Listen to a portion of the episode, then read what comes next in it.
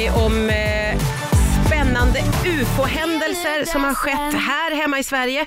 Och den som eh, lotsar oss igenom det här, det är Claes Svan som ju är aktiv inom UFO-Sverige och som sitter inne på många spännande historier.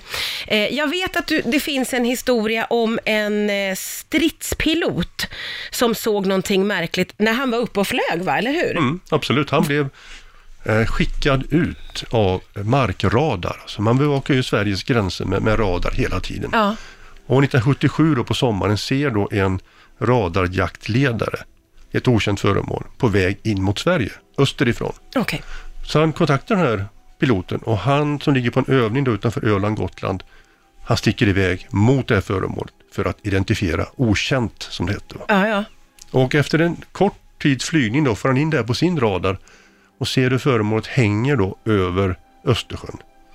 Någon kilometer upp. ja. Så han låser radarn på den så att han ska liksom verkligen kunna flyga vidare mot föremålet. Men Ja. då märker föremålet honom Nej. och börjar stiga rakt upp. Så han säger till mig då att han tänder upp och hänger på. Han alltså slänger i allt han kan? Ja. och kör efter föremålet. Ja. Som flyger uppåt, uppåt, uppåt och han flyger efter så mycket han någonsin kan. Men han blir ifrån och föremålet sticker ut rakt ut i rymden. Nej men sluta. Och så är det bort. Kunde han beskriva hur det såg ut så att säga? Nej, det kunde han aldrig. Han såg det här på sin radar och han kunde aldrig se det för blotta ögat. Nej, nej, nej, okej. Så han och, vet inte. och det här är inte samma som en sån här spökraket som vi pratade om innan. Nej, det här är någonting annat alltså. Det här hängde stilla och han säger till mig då att, att hänga still och sen köra ifrån ett Drakenflygplan som har full fart, Mm. det är duktigt gjort. Ja. Och det, har, det går liksom inte att förklara närmare. Alltså det, här, det, det är en av de här historierna som vi inte har kunnat få nå svar på Mm. överhuvudtaget. Du, när du pratar med en person som har sett något sånt här, hur, hur är då, alltså hur reagerar han över att han har varit med om det? Alltså han höll ju tyst i 22 år. 1999 rapporterade han detta då till oss. Ja. Och han hade ju inte velat berätta om detta, för det var lite skämmigt. Mm. Och han berättade inte ens för radarjaktledaren vad han hade varit med om. Så han har hållit det för sig själv i alla år? Ja, han har berättat för lite kamrater, för sin familj. Frun sa till mig att han var helt uppbragt när han kom hem och så vidare. Så att jag hann prata med honom i ett enda långt samtal. Sen omkom han 2000 i en flygolycka. I en superpuma på Ah. Kebnekaise-massivet. Han skulle rädda folk och de blåste in i Kebnekaise. Nej, vad hemskt. Så vi hann prata en enda gång under någon timma egentligen. Ja. Det där är ju också väldigt spännande med sådana här händelser, att många känner att det är skämmigt och att man inte vill berätta. Det kan, det kan ju finnas väldigt många historier där ute som inte har blivit berättade, tänker jag. Du vet, vi knackade dörr under några år och pratade med 1600 svenskar. Och var tionde person hade varit med om någonting.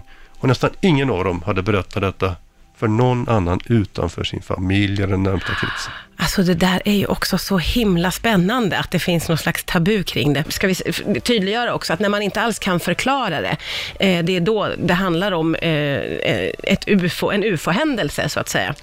Eh, du, det finns en historia från Håknäs som utspelade sig 1991, eh, när en hel familj såg någonting. Va, vad kan du berätta om det?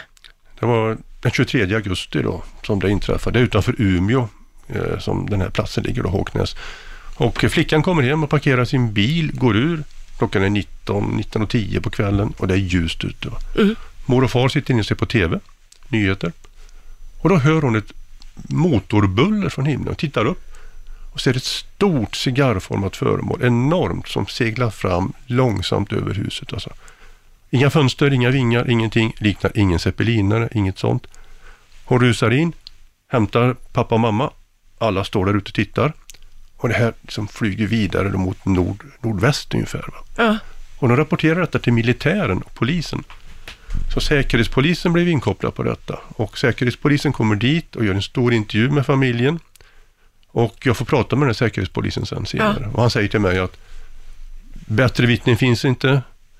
En, en helt eh, rejäl observation. Det här har hänt. Och eh, det här föremålet flyger på en tid och i en riktning då som är väldigt smart, säger han. Därför att i den här riktningen fanns det nästan ingen bebyggelse. Och folk var inne och såg på Nordnytt på tv just då. Okej. Så han menar att det här var liksom planlagt av den som flög detta. Oj! Man råkade bli upptäckt bara. Nej. Och det sjukaste är att Jag har ju intervjuat alla inblandade och Säkerhetspolisen. Sen ringer jag upp honom då, många år senare. Och då minns han ingenting. Nej men sluta! Det är nästan, nej det här, nu är det för bra för att vara sant. Det, det stämmer ju inte. Va? För jag, jag pratade med honom i säkert nästan en timma. Och han sa till mig att det här var bland de bästa grejer han har stött på. Va? Nej men Han reste till Stockholm, han grävde i arkiv, han intervjuade familjen, han Ja. hade mycket tid på sig. Plötsligt då, några år senare så minns han ingenting. Alltså det är så spännande.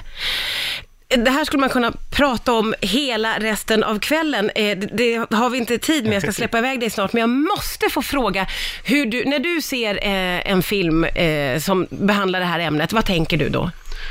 Alltså, En blivit- Hollywoodfilm så att säga. Ja, jag fattar. Så blir, vi blir ju akklimatiserade till de här, kan man säga, genom de här filmerna. Ja. Tillvanda att det kan finnas besökare utifrån. Och det kanske inte är så enkel förklaring vi egentligen.